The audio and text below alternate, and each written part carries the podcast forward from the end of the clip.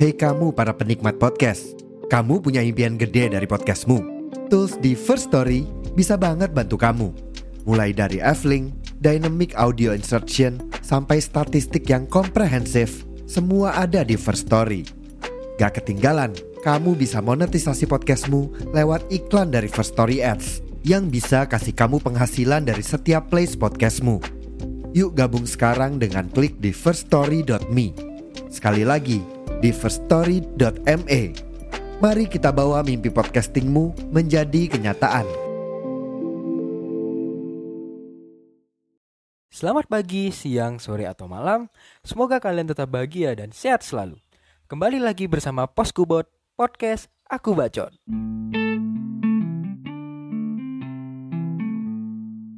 Alright teman-teman semua kembali lagi di Poskubot dan kali ini gue lagi ditemenin sama seseorang nih dan mungkin untuk mempersingkat waktu ya ya jadi kita langsung ke perkenalan mungkin monggo diperkenalkan mas Oke, jadi perkenalkan nama gue Ivani saya Samdani. Uh, gue ini teman kuliahnya Adriel. Kita ini satu prodi, eh iya satu prodi, tapi beda kelas doang. Uh, untuk domisili, gue domisilinya bisa dibilang ya di Jakarta, tapi bisa juga bilang di Bogor, Depok juga bisa, Bekasi juga bisa. Pokoknya sekitaran-sekitaran perbatasan Jabodebek lah pokoknya lah. Oke ya pokoknya kalau kalian eh, orang-orang bagian jebo apa sih Jabodebek ya Ya, ya mungkin mau ketemu mas yang satu ini bisa kontak gue available kan label pasti. Oke, gimana Van? Waduh, gue udah lama nih nggak ketemu lu kan. Kayak setahun gak sih? Enggak ya? Kita terakhir ketemu belum, tuh. belum belum setahun deh kayaknya. Kita terakhir ketemu tuh bulan November atau enggak Desember kalau nggak salah tuh. Waktu ini gak sih kita terakhir ketemu waktu gue minta tolong ke lu buat nganterin gue temenin gue beli galon, aku galon. di Geria. Iya, iya, iya, iya. Iya kan, udah malam Hmm. juga kan itu. Untung aja lu mau nolongin kan. Kalau Hmm. kagak gue gak bisa minum asli, itu udah habis banget.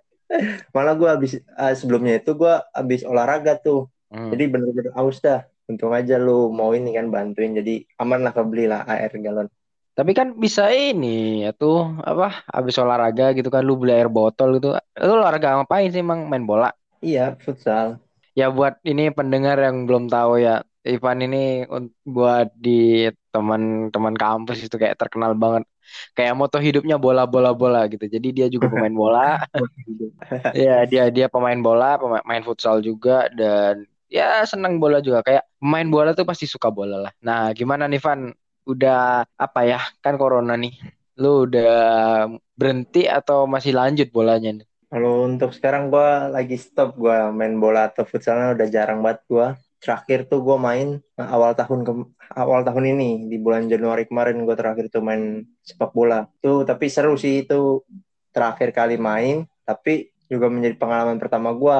Pengalaman pertamanya apa? Pengalaman pertamanya itu jadi gue main bola. Biasanya kan lapangan-lapangan kayak perkotaan gitu-gitulah ya. Karena kan di Jakarta. Lap- lapangannya ya nggak nggak begitu terlalu menarik lah men- menurut gue kayak kayak biasa-biasa aja lapangannya gitu. Nah tapi kalau misalkan yang tempat ini nih lapangannya menurut gue menarik gitu. Soalnya dia lapangannya berada di bawah kaki gunung. Itu tuh di Ci- Cianjur di lapangan Malabar namanya. Nah itu bener-bener dah seru banget dah.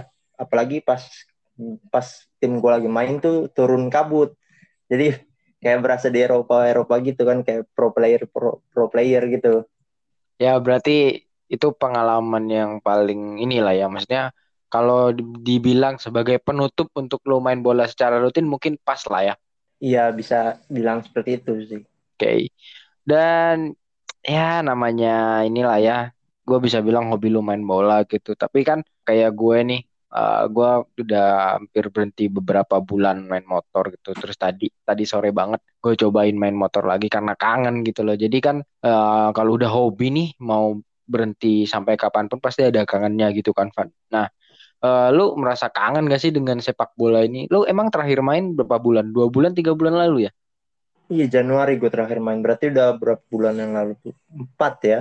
Iya udah empat bulan yang lalu gue terakhir main bola. Sepak bola. Ya kalau misalnya dibilang kangen mah kangen sih. Apalagi uh, kemarin tuh kan ada Piala Menpora. Uh, jadi kan gue nonton. Pas gue nonton kayak kayak apa ya kayak gue tuh kayak wah gue kayak mau main lagi nih tapi gimana ya uh, gue udah kaku udah lama nggak main kan ntar jadi kayak beban tim jadi kayak insecure lah sama teman-teman gue yang udah jago-jago gitu. Tapi kan ini Van, uh, dibilang kangen pasti kangen lah. Tapi mungkin emang corona ya, mungkin ada satu dua hal yang bikin kita nggak bisa ngelakuin itu. Tapi kan pasti ada alternatif lah Van. Mungkin lu bisa dribbling-dribbling bola di rumah atau bahkan lu main game gitu, game bola gitu. Terus gimana Van cara lu buat ngobatin kangennya itu loh? Karena lu kan nggak bisa main bola sekarang. Lagi bukan nggak bisa sih, misalnya udah lama ya nggak mainnya? Iya udah lama nggak main. Ya untuk ngatasin rasa kangen gue sama hobi gue yang itu ya paling gue ada beberapa cara sih. Nah, yang pertama tuh gue ini uh,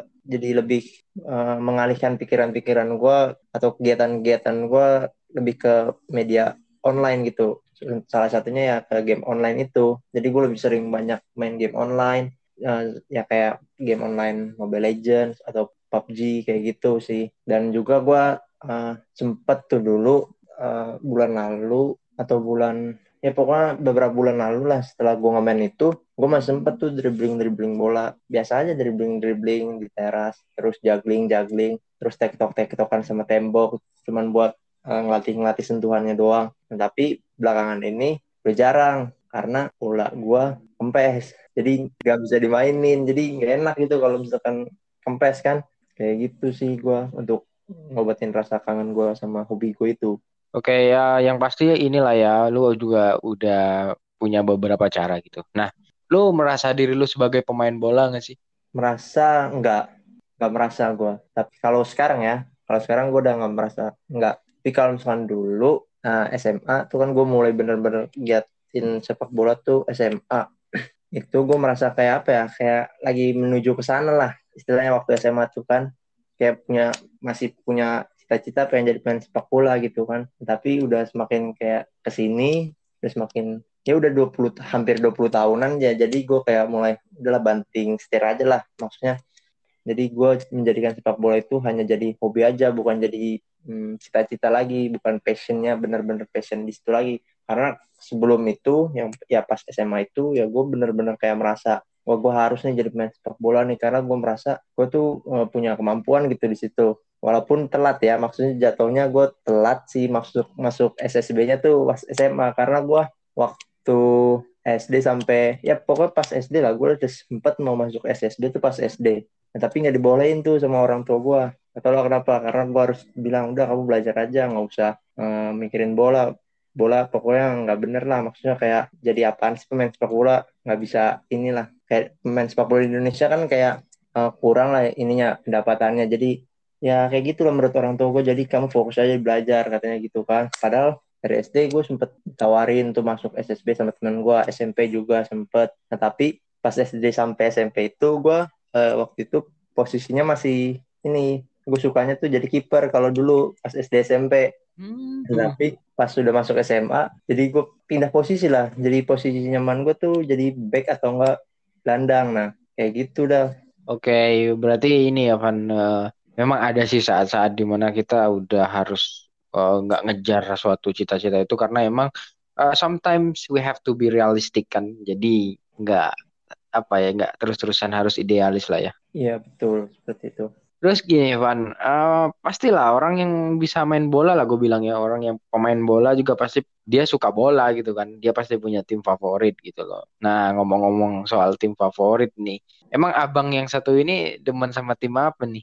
Kalau gue, gue ya dari dulu gue nggak pernah ganti-ganti tim kesukaan. Uh, kalau misalkan untuk di uh, tim nasional, maksudnya klub klub Indonesia itu gue sukanya Persija karena ya gue dari Jakarta ya otomatis Persija. Nah itu kalau misalkan untuk tim-tim luar luar Indonesia tuh khususnya gue lebih suka tuh di klub Liga Inggris. Yang gue suka itu klub Arsenal. Oke Arsenal ya. Wah kayaknya mungkin abis gini abis ini ngomonginnya bakal lebih semangat lagi ya. Soalnya gue lihat ada yang baru menang lawan Newcastle nih 2-0 oh iya bener. Eh jujur gue nggak nonton ya. Gue nggak ngikutin Seriusan menang, menang, beneran menang. Menang 2-0. Wah, gue ya gue emang belakangan ini gue udah jarang ngikutin Arsenal kan karena ya performanya kayak gitu-gitu loh, gak ada yang apa ya, gak ada yang menarik buat diikutin gitu. Tapi ya karena namanya juga uh, walaupun dia tetap perform underperform gitu ya tetap aja gue harus ngedukung kan gini Van gue kan uh, gue bukan orang yang suka bola lah gue untuk bola karena emang gue merasa nggak tertarik gitu kan banyak sih yang ngecengin gue kampus kayak wah cowok gak suka bola aneh gitu kan tapi ya enggak mereka bercanda gitu kan. Nah herannya kenapa duluan gue yang tahu gitu loh. Ya gue gue ya itu tadi gue bilang kan gue udah emang belakangan ini jarang gitu Narsela karena lagi underperform gitu. Tapi ya uh, walaupun dia underperform ya tetap aja gue harus ngedukung. Nah ya gitu jadi gue emang emang udah jarang gitu ngikutin Arsenal. Nonton pertandingan aja jarang gitu kan Oke, tapi ini Van, gue juga punya teman yang demen sama Arsenal. Nah, ad, uh, seru aja sih. Gue punya dua orang teman gitu kan. Yang satu fansnya Real Madrid, yang ya we know Real Madrid kan maksudnya uh, dibandingin Arsenal, sorry to say, mereka tuh lebih sering menang lah. Nah, ada gue sempat muncul istilah kalau nggak salah ya itu KST kalah seri terus. Nah biasanya teman gue ngatain fans-fans teman gue yang Arsenal tuh apaan sih tim KST tim mediocre. Tapi mereka tuh tetap loyal gitu. Emangnya apa sih yang bikin mereka uh, bisa dibilang dalam dalam tanda kutip betah gitu nungguin Arsenal berkembang gitu sampai kemudian bisa se apa ya sekompetitif tim-tim besar lain gitu.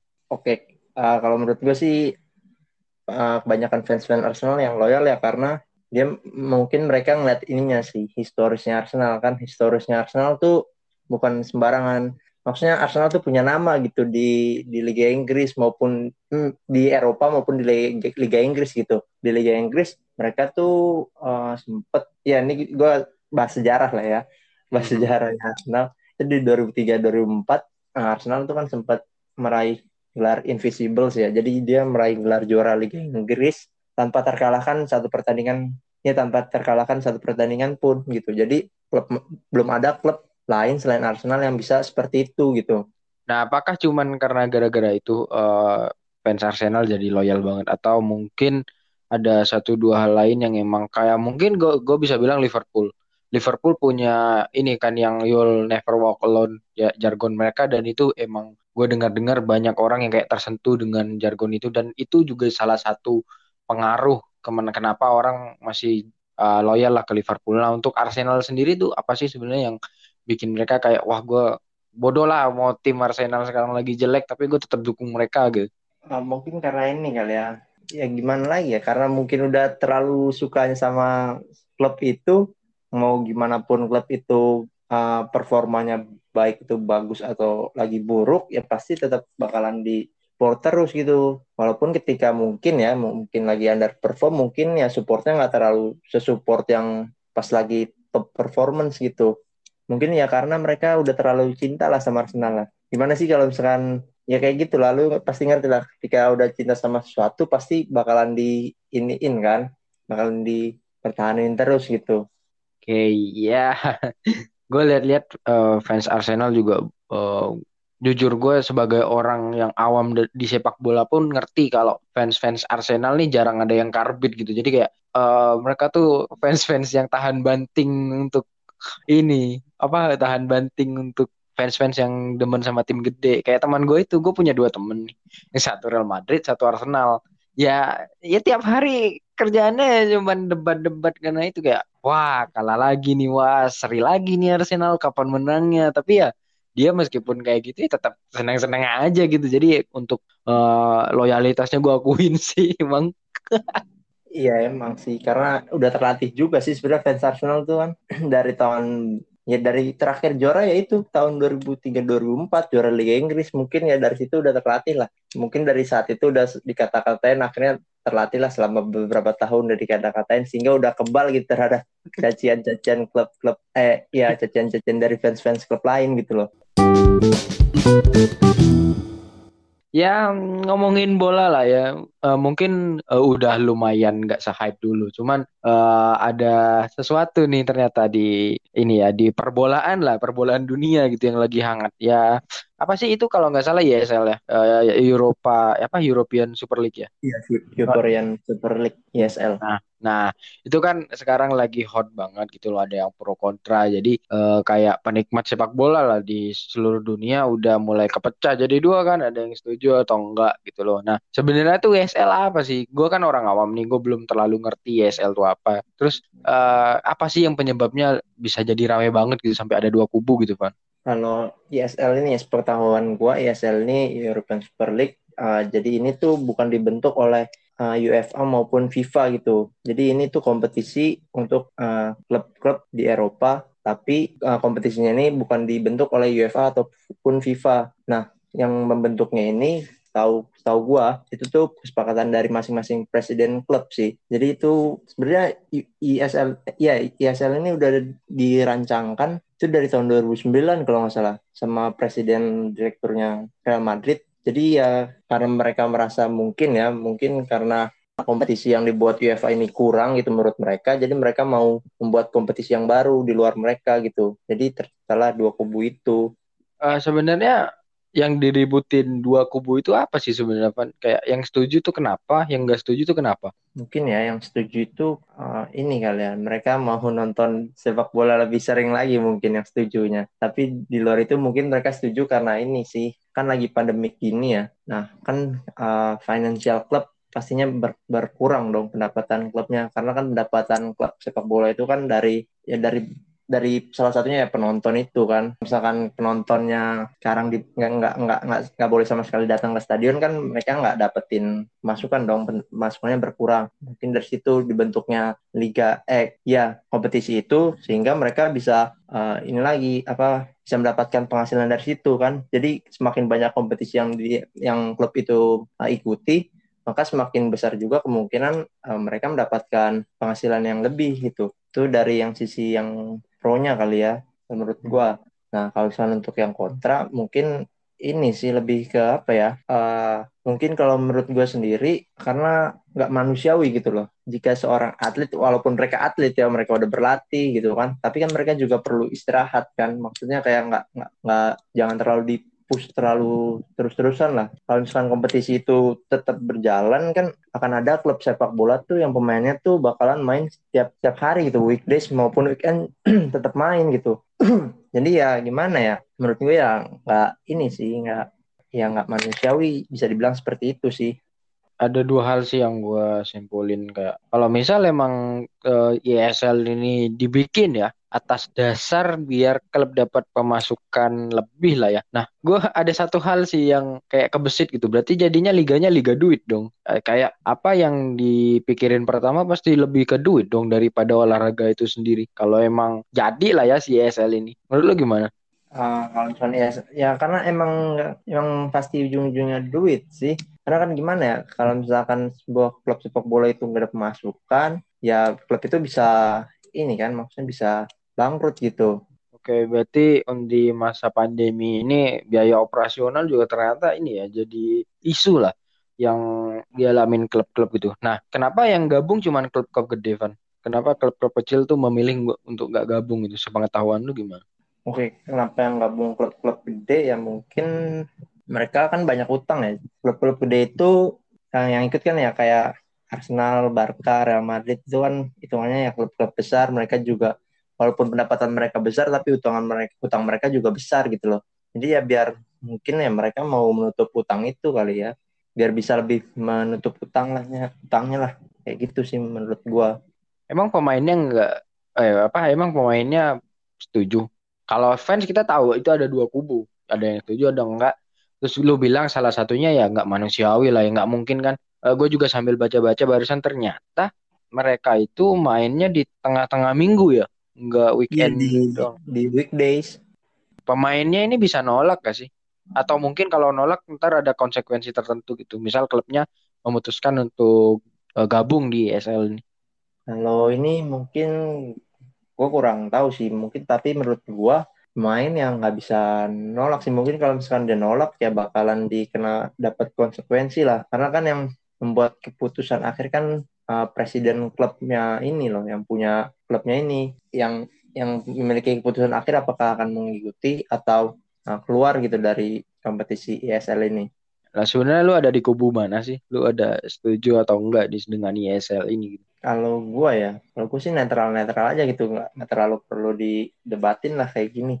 Jadi kan ada ya kenapa? Karena ya ada sisi negatifnya maupun positifnya kan, tergantung dari kitanya aja gitu ngeliatnya dari mana. Emangnya uh, kita mulai bahas lagi deh. Emang sisi positif yang negatif yang lo maksud gimana, Pan? Ya itu tadi positifnya ya uh, klub bisa inilah apa dapetin pemasukan yang lebih gitu kan. Habis itu uh, klub juga bisa mungkin nambah ininya kali ya. Iya selain pemasukan tuh klub juga bisa dapat ya mungkin Apa? kebanyakan sih ya, ya paling besar ya di pemasukan sih memang sih masukan dari penontonnya kan kalau misalkan setiap ada ada kompetisi itu kan ISL kan di weekdays, weekendnya kan liga-liga liga domestiknya kan. Jadi di weekdays mungkin mereka bisa dapat pemasukan karena pengunjung eh sporternya juga banyak yang datang. Habis itu hak siarnya juga lebih banyak gitu kan. Jadi ya positifnya di situ jadi klub bisa dapat pemasukan yang lebih juga bisa membayar utang-utangnya sih karena kan yang kita lihat ya yang ikut yang ikut ESL itu kan rata-rata bahkan kebanyakan bahkan semuanya itu klub-klub yang besar gitu. Nah kalau untuk negatifnya negatifnya ya itu tadi nggak manusiawi. Nah selain itu bisa juga menjadi ini mengurangi mengurangi nilai sepak bolanya itu sendiri gitu. Kayak kalau sepak bola itu kan udah ibaratnya tuh kayak gini nih.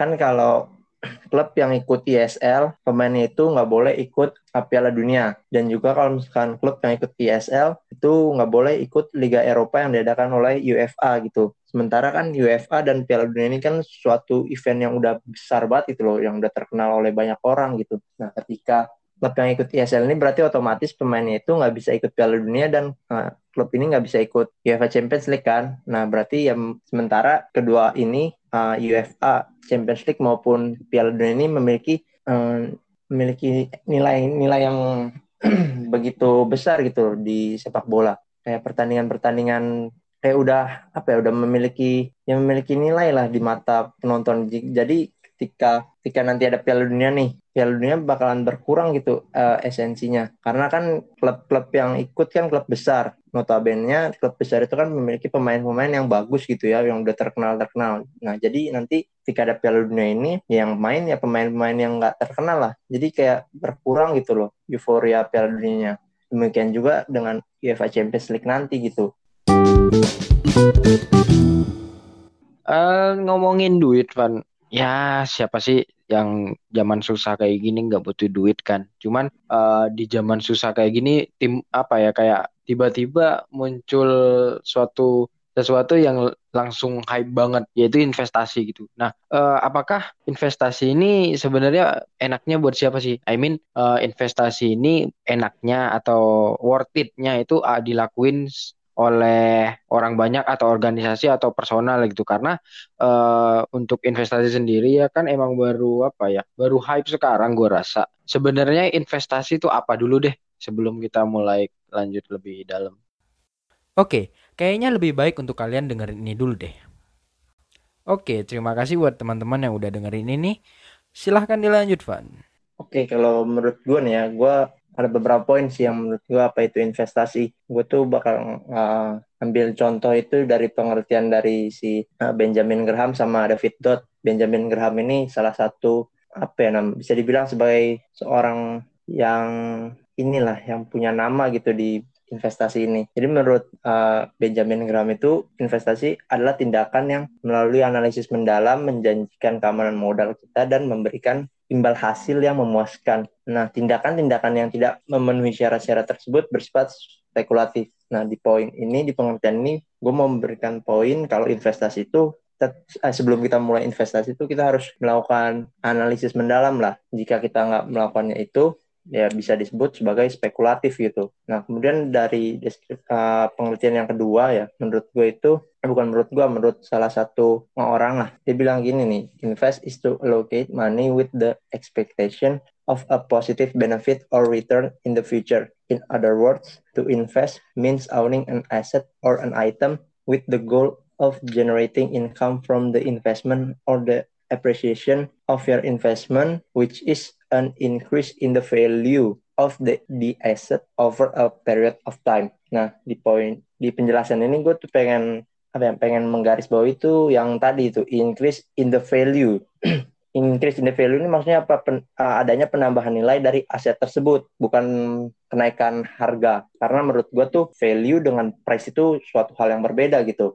Nah, habis itu uh, poin yang ketiga menurut gue tuh sesuatu yang bisa dikatakan atau dapat menjadi sebagai aset investasi itu ketika aset tersebut menghasilkan kas gitu. Sehingga bisa diestimasi nilai intrinsiknya. Nah di pengertian ini gue pengen menggarisbawahi yaitu jadi aset tuh harus bisa menghasilkan kas. Jadi bisa diestimasi gitu nilai intrinsiknya. Jadi dari ketiga uh, poin yang tadi gue garisbawahi investasi yaitu satu kita harus melakukan analisis mendalam dulu sebelum mulai investasi. Nah, kemudian investasi itu uh, harus ada uh, nilainya gitu. Jadi kita harus uh, meng, meng, kita, kita berinvestasi di aset yang menghasilkan nilai gitu. Nah, yang ketiga itu kita investasi itu harus di aset yang menghasilkan kas juga sehingga ada nilai intrinsiknya gitu. Kayak gitu sih kalau misalkan menurut gua apa itu investasi.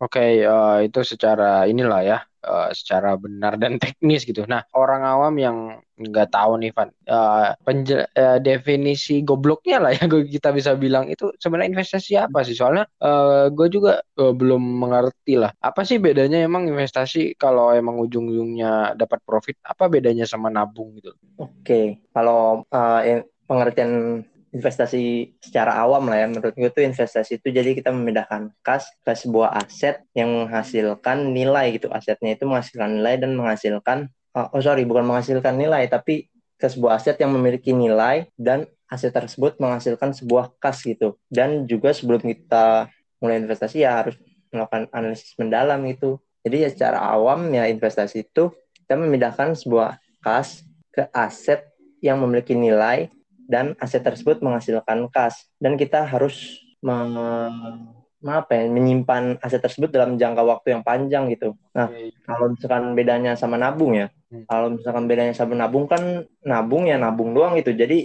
nilainya nggak bertambah tetap gitu. Tapi kalau misalkan uh, kita berinvestasi, ya nilai kita bisa bertambah gitu. Oh sorry, nabung malah bikin nilai nilai uangnya itu malah makin menurun gitu. Oke, okay. Um, apa ya akhir-akhir ini tuh jadi kayak viral banget rasanya gitu kayak investasi anak muda berinvestasi gitu. Nah sebenarnya tuh uh, menurut lo nih investasi untuk anak muda gitu kayak kita tuh sebenarnya uh, wajib atau worth it gak sih?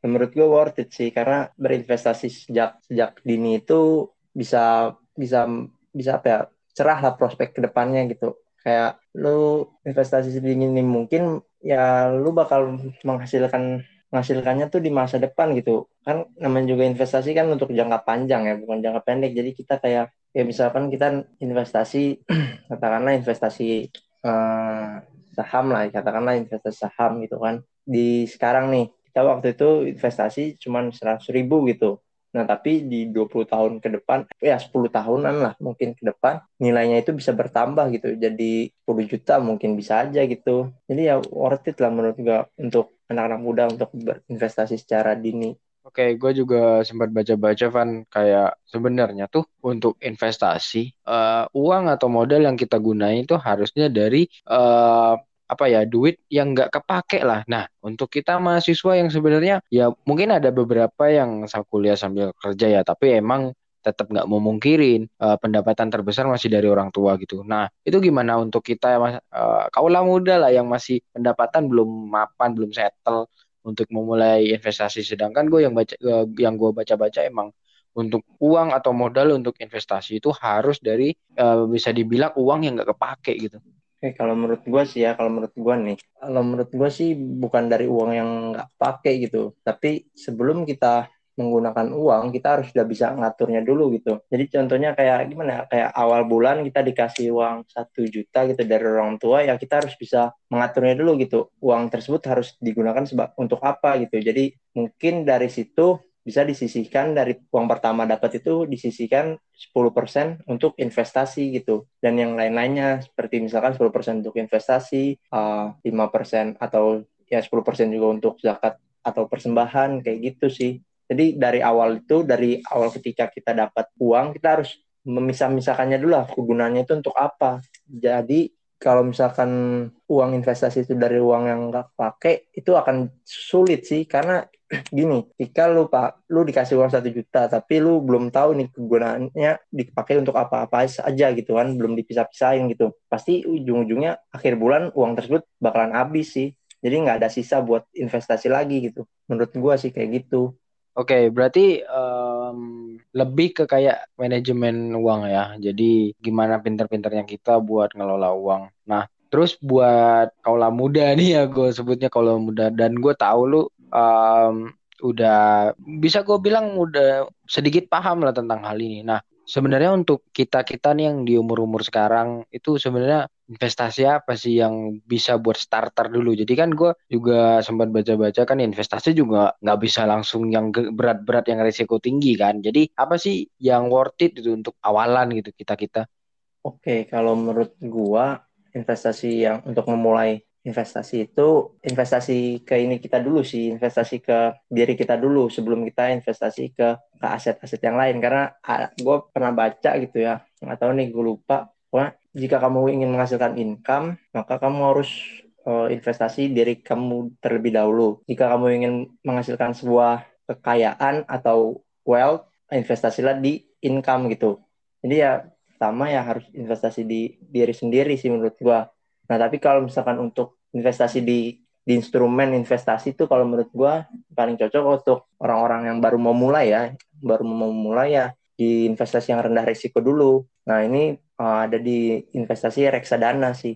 Gue kalau nggak iklannya Om Deddy atau siapa gitu sempat dengar juga reksadana. Tapi sebenarnya reksadana itu apa sih sebenarnya? Apa kita nabung terus dapat profit atau gimana?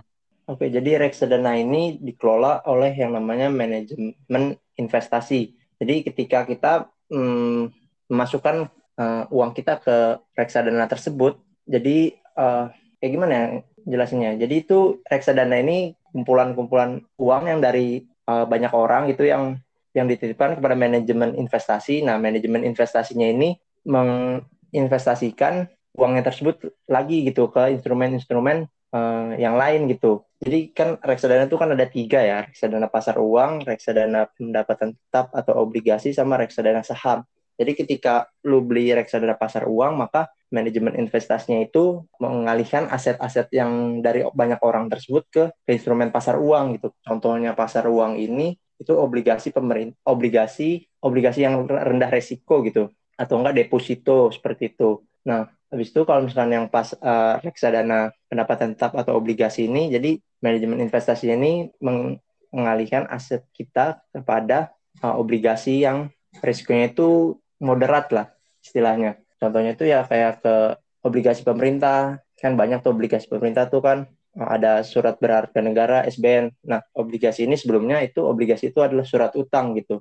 Kemudian kan ada reksadana saham. Nah, kalau reksadana saham ini berarti manajemen investasinya itu mengalihkan uh, kas-kas dari yang banyak orang ini kepada saham. Nah, kebanyakan sih ya kalau untuk reksadana saham ini manajemen manajemen investasinya itu uh, mengalihkan kasnya itu kepada saham-saham yang terdaftar di uh, LQ45 gitu.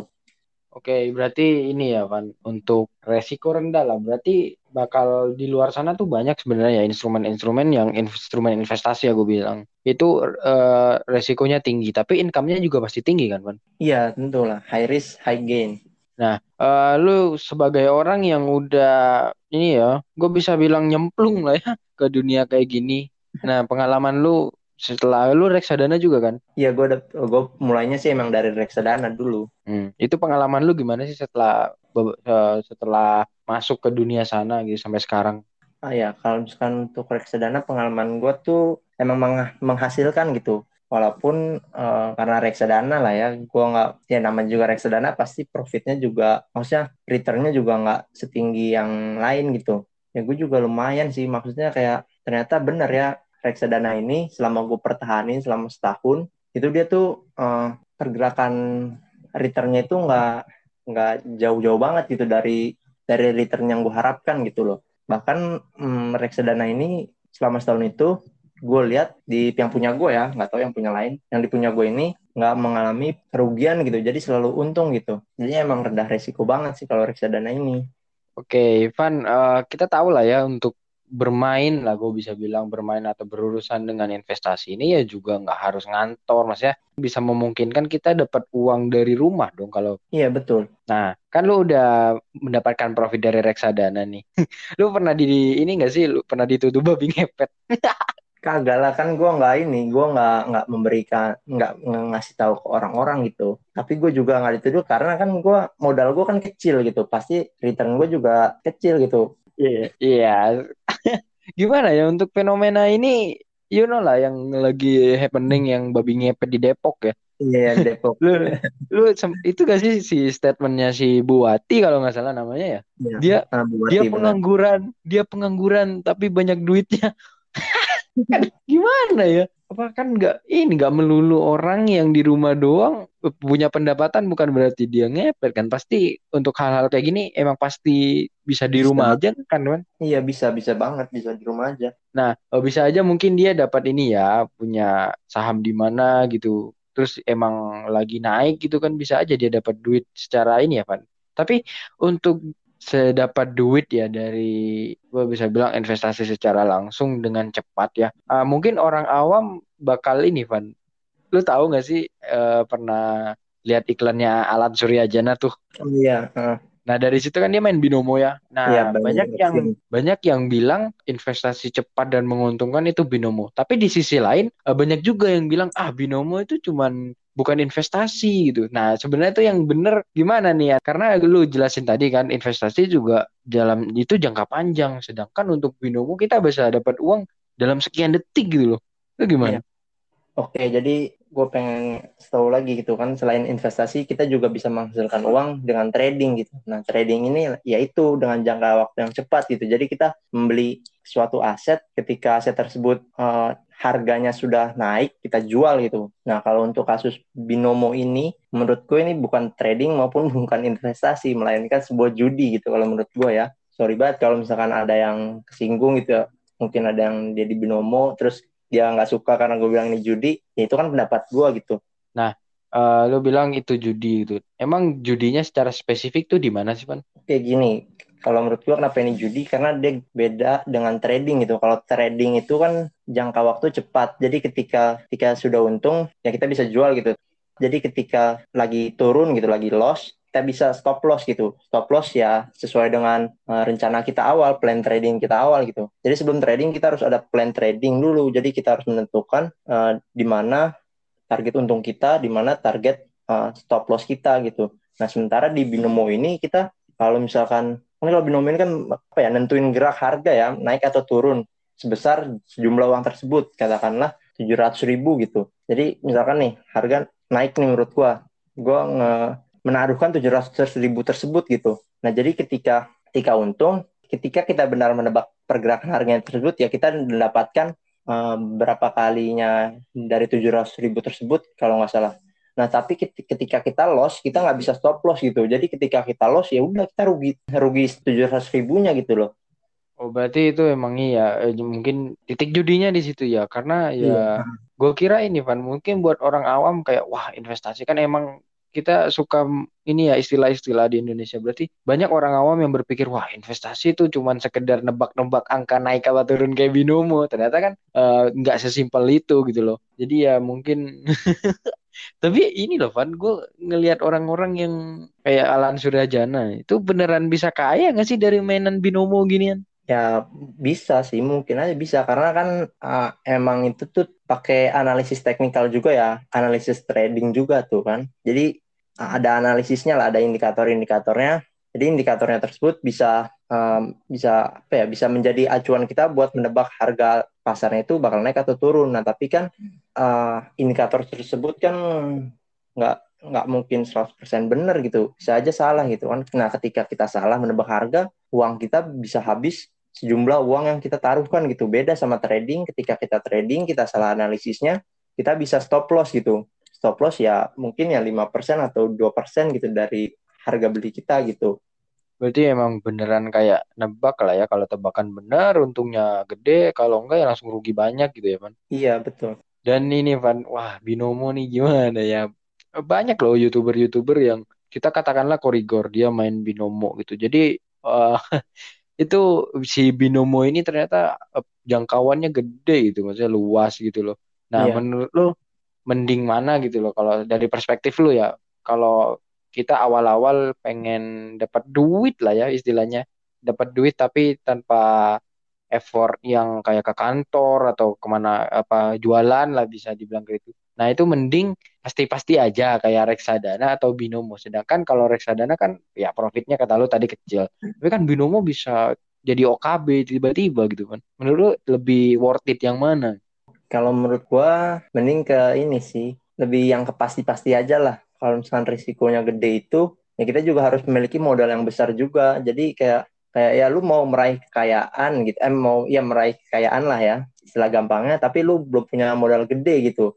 Sementara kan mungkin ya orang-orang yang sukses di binomo ini dia punya modal yang gede gitu. Maksudnya modal ya modal inilah modal modal ketika dia ketika dia rugi kan dia masih punya banyak modalnya tuh kan ya. Sementara kita orang-orang yang ya kayak mahasiswa-mahasiswa gini ketika kita rugi ya udah habis ya habis gitu. Nah, tapi ketika kita memindahkan kas kita kepada instrumen investasi yang pasti-pasti aja gitu, ya yang pasti aja untungnya udah pasti gitu ya. Ya bakalan lebih menarik yang untung-untungnya eh yang pasti-pastinya aja gitu kalau menurut gue ya. Jadi tergantung orangnya sih sebenarnya. Tapi kalau menurut gue ya mendingan ya ke instrumen investasi yang udah pasti jelas ada gitu keuntungannya dan kerugiannya pun juga bisa uh, kerugiannya pun juga rendah gitu.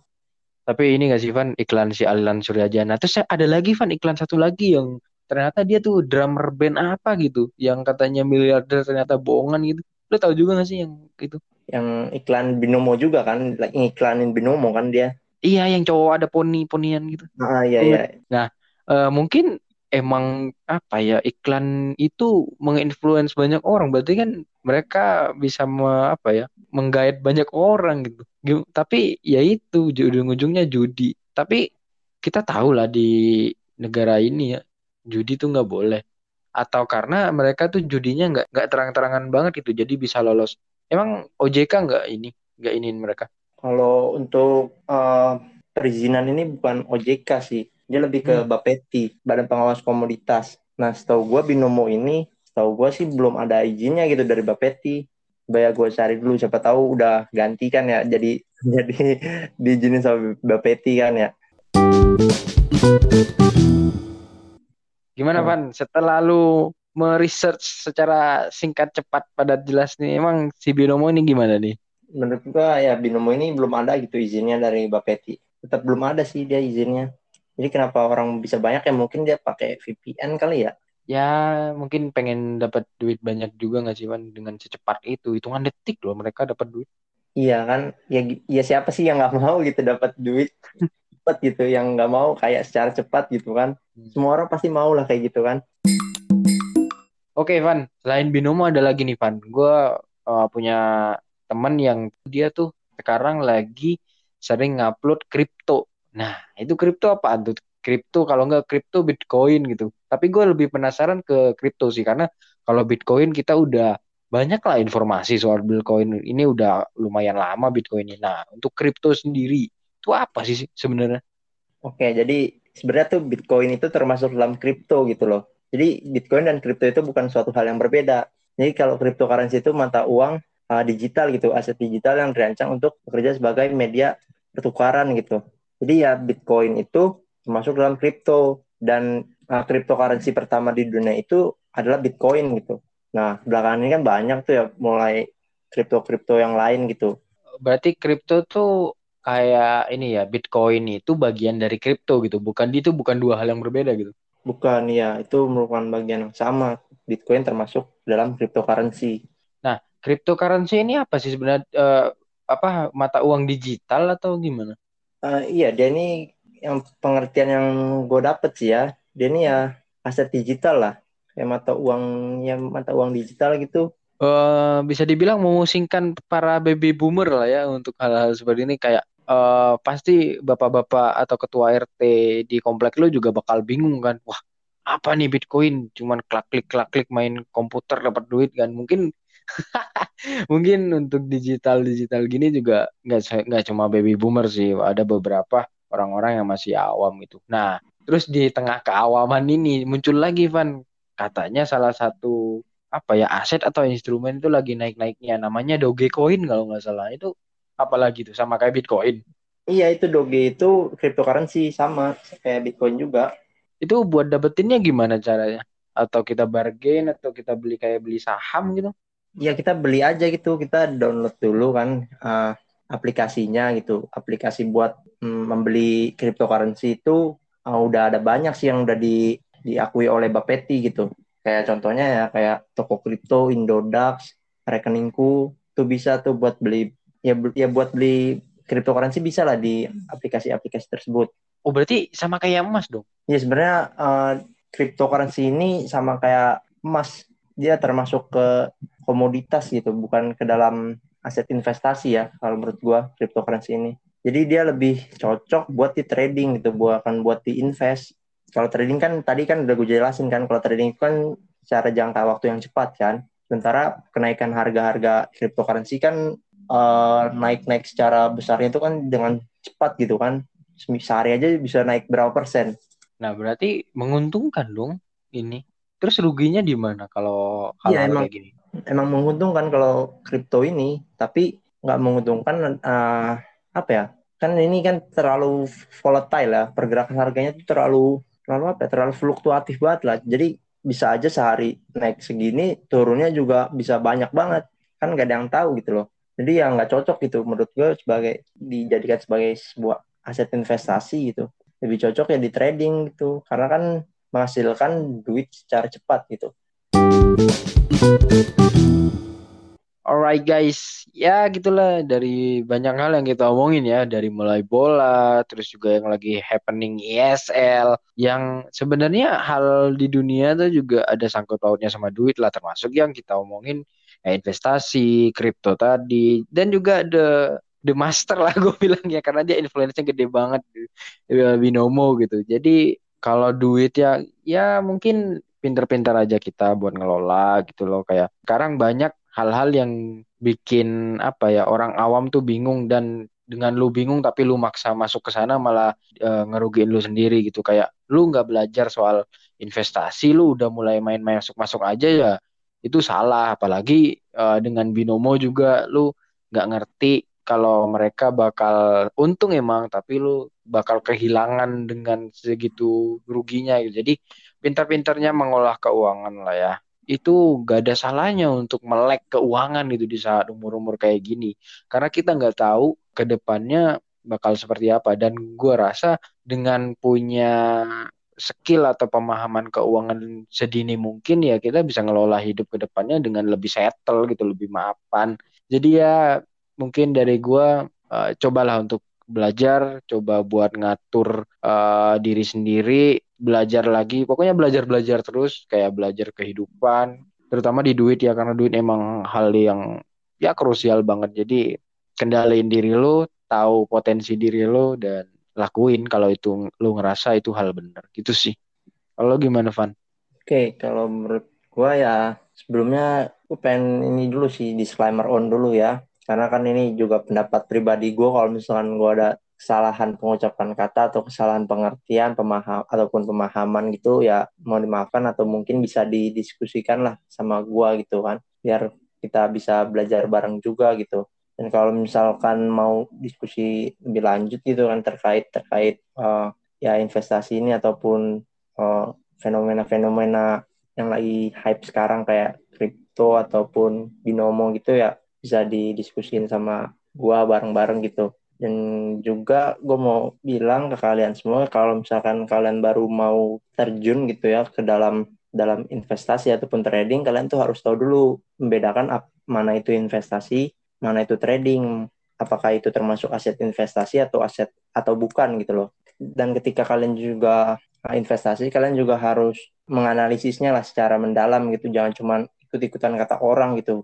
Kayak misalkan uh, ini lagi hype nih, misalkan lah katakanlah saham ya, saham ini lagi bagus nih kayaknya nih, lagi hype banyak, harganya naik terus ya lu ikutin lah. Ya tapi pas lu ikutin, harganya tiba-tiba turun nah, yang kerugian juga lu. Jadi ya sebelum lu mulai sebuah investasi lu harus juga analisis mendalam lah. Begitupun juga dengan dengan trading gitu. Kalau lagi trading, ya udah lu sebelum mulai trading ya lu harus membuat plan trading lu dulu berapa besar profit yang lu mau ataupun seberapa besar kerugian yang bakalan lu uh, lu stop gitu seperti itu sih menurut gua jadi ketika lu mau memulainya ya harus tahu dulu apa yang lu lakukan gitu Oke guys, mungkin uh, untuk episode kali ini kita cukupkan untuk sampai sini aja.